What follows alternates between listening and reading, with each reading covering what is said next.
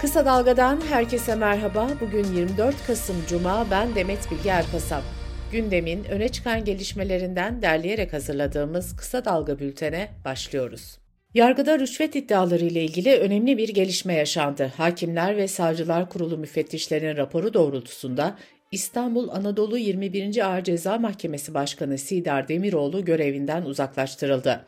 İstanbul Anadolu Cumhuriyet Başsavcısı İsmail Uçar, HSK'ya sunduğu şikayet dilekçesinde Demiroğlu'nun usulsüz erişim engelli kararlarının yanı sıra uyuşturucu ticaretiyle suçlanan kişilerin tahliyesini sağladığını öne sürmüştü. Gazeteci Timur Soykan'ın Uçar'ın dilekçesini gündeme getirmesinden sonra Demiroğlu da karşı dilekçesinde Uçar'ın şaibeli ilişkileri olduğunu öne sürmüştü. Siyasi partiler 31 Mart 2024'te yapılacak yerel seçimlere hazırlanırken ittifak yapılıp yapılmayacağı tartışmaları da devam ediyor. Mayıs seçimlerinden sonra dağılan Millet İttifakı'nda yer alan İyi Parti seçime tek başına girme kararı almıştı. Cumhur İttifakı'nda da AKP ve MHP'nin birlikte çalışma yürüttüğü belirtilmişti. CHP'nin yerel seçim planlarını ise partinin genel başkanı Özgür Özel anlattı. Gazete Duvar'dan Ceren Bayar'a konuşan Özgür Özel, gelecek haftadan itibaren muhalefet partileriyle temasa geçileceğini ve görüşme trafiğine başlanacağını söyledi. Özel, seçim bölgesine özel ikili işbirliği modelleri üzerinde çalışılacağını da vurguladı. Özgür Özel, İstanbul içinse şunları söyledi. İstanbul meselesi Türkiye meselesi. Tüm siyasi partilerin buna böyle bakacağını düşünüyorum.'' Zafer Partisi Genel Başkanı Ümit Özdağ, eski CHP Genel Başkanı Kemal Kılıçdaroğlu ile Cumhurbaşkanlığı seçiminin ikinci tur öncesi yaptığı gizli protokolün belgelerini paylaştı. Protokolde İçişleri Bakanlığı ve iki bakanlık daha Zafer Partisi'ne veriliyor. Ayrıca güvenlik bürokrasisinde de Zafer Partisi'nin belirleyeceği isimlerin yer alacağı belirtiliyor. Ümit Özdağ bu protokolden daha önce de söz etmişti. Dönemin CHP sözcüsü Faik Öztrak Özdağ'ı yalanlamıştı. Kılıçdaroğlu protokolü doğrularken İyi Parti, Deva ve Gelecek partilerinden tepki gelmişti. Yargıtay Yeşil Sol Parti'nin isminin Halkların Eşitlik ve Demokrasi Partisi yani HEDEP olarak değiştirilmesini kabul etmedi. Yargıtay, HEDEP ismini HDP benzerliği nedeniyle reddetti, partiden kısaltmayı değiştirmesini istedi.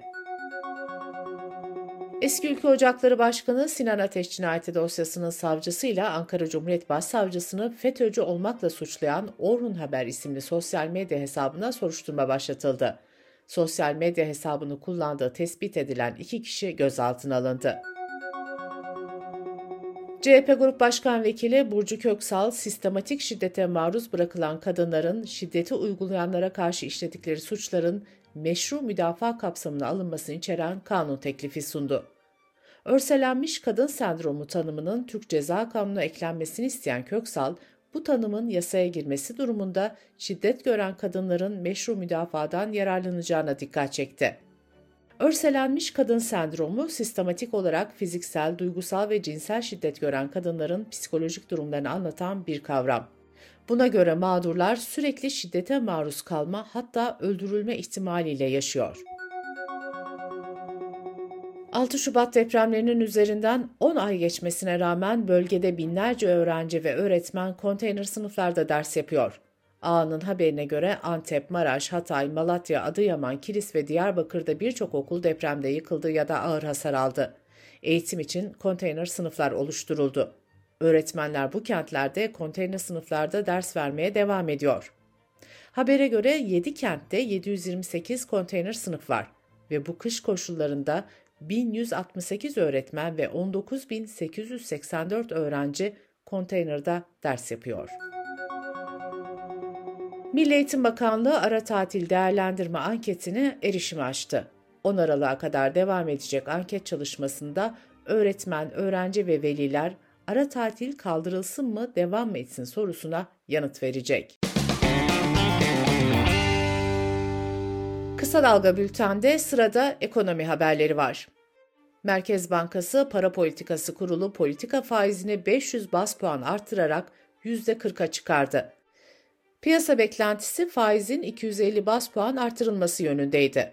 6 aylık toplam faiz artışı 3150 bas puanı buldu.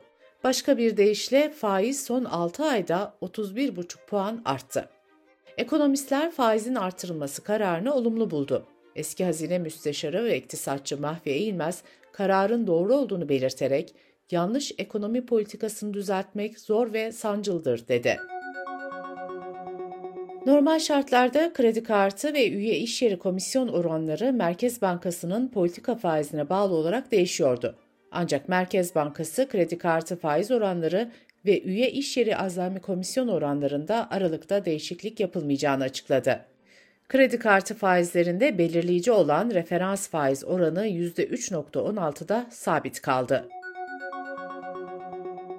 2024 yılı Merkezi Yönetim Bütçe Kanunu teklifinin meclisteki görüşmeleri 11 Aralık pazartesi günü başlayacak. Bütçe takvimine göre görüşmeler kesintisiz olarak 12 gün devam edecek. Gruplar ve hükümetin turlardaki konuşma süreleri günlerine göre 60, 65, 70 ve 80 dakika olarak belirlendi. Dış politika ve dünyadan gelişmelerle bültenimize devam ediyoruz. İsrail ve Hamas arasında çatışmalara 4 gün ara verilmesi konusunda anlaşmaya varılmıştı. İsrail'de tutuklu bulunan 150 Filistinliye karşılık Gazze'de tutulan 50 İsraili rehine serbest bırakılacaktı. Ayrıca bölgeye insani yardım girişine izin verilecekti. Rehine takasının perşembe günü yapılacağı açıklanmıştı ancak takasın bugüne ertelendiği duyuruldu. Tel Aviv'den ise savaşın devam edeceği açıklaması geldi. Rusya Devlet Başkanı Putin, Ukrayna'daki çatışmaları ilk kez savaş diye nitelendirdi. Putin, Ukrayna'daki savaş trajedisini durdurmak gerektiğini söyledi. Kremlin'den yapılan açıklamalarda ise Ukrayna'daki savaştan özel askeri operasyon olarak söz ediliyordu. Finlandiya düzensiz göçü kontrol altına almak amacıyla Rusya ile olan 9 sınır kapısından 8'ini kapatacağını duyurdu. Dün başlayan bu uygulama 18 Şubat 2024'e kadar devam edecek. Finlandiya ayrıca Rusya ile sınırının bazı noktalarına da dikenli telli beton bariyerler yerleştirmeye başladı. Hollanda'da yapılan erken genel seçimde Geert Wilders'ın lideri olduğu aşırı sağcı Özgürlük Partisi birinci çıktı. Ancak hiçbir parti hükümeti kuracak orana ulaşamadı. Koalisyon hükümeti için en az dört partinin bir araya gelmesi gerekiyor. Ancak Wilders'ın bir koalisyon kurması kolay olmayacak. Zira seçimden önce diğer büyük partiler Wilders liderliğindeki bir koalisyona katılmayacaklarını ilan etmişti. Bu arada Dilan Yeşilgöz liderliğindeki Özgürlük ve Demokrasi İçin Halk Partisi 2021 seçimlerine göre 11 milletvekili kaybetti. Yeşilgöz yenilgiyi kabul etti ve hayal kırıklığı yaşadıklarını söyledi. Seçimden birinci çıkan Wilders, göçmenler ve Müslümanlara yönelik kışkırtıcı ve ayrımcı açıklamalarıyla tanınan bir siyasetçi. Wilders kampanya süresince göçü tamamen durdurma, cami ve Kur'an kurslarını kapatma gibi vaatlerde bulunmuştu. Wilders'ın zaferi Hollanda basınında yankı buldu. The Telegraph gazetesi Hollanda sağa döndü manşetini attı. Hollanda nüfusunun yaklaşık %5'ini oluşturan Müslümanlar ise inanç özgürlüklerinin kısıtlanmasından endişe ediyor. ABD'nin eski başkanı Barack Obama döneminde danışmanlık yapan Stuart Seldowitz, New York'ta Mısırlı bir satıcıya yönelik nefret ve hakaret içeren sözleri nedeniyle gözaltına alındı. Polis Seldowitz'e nefret suçunun yanı sıra ağırlaştırılmış taciz ve takip ederek tacizde bulunma suçlamalarını da yöneltti. Kuzey Kore uzaya casus uydu gönderdi. Daha önce Mayıs ve Ağustos'ta yapılan fırlatma denemeleri başarısız olmuştu. Güney Kore bu adıma tepki göstererek Kuzey'in Rusya'dan teknik destek aldığını öne sürdü. Çin ise taraflara itidal çağrısında bulundu. Bültenimizi kısa dalgadan bir öneriyle bitiriyoruz. Ferdi Akarsu ve gazeteci Mehveş Evin, sel ve kuraklığa çare olarak gösterilen sünger kentleri anlatıyor. Yeşil Dalga podcast serisini kısa dalga.net adresimizden ve podcast platformlarından dinleyebilirsiniz.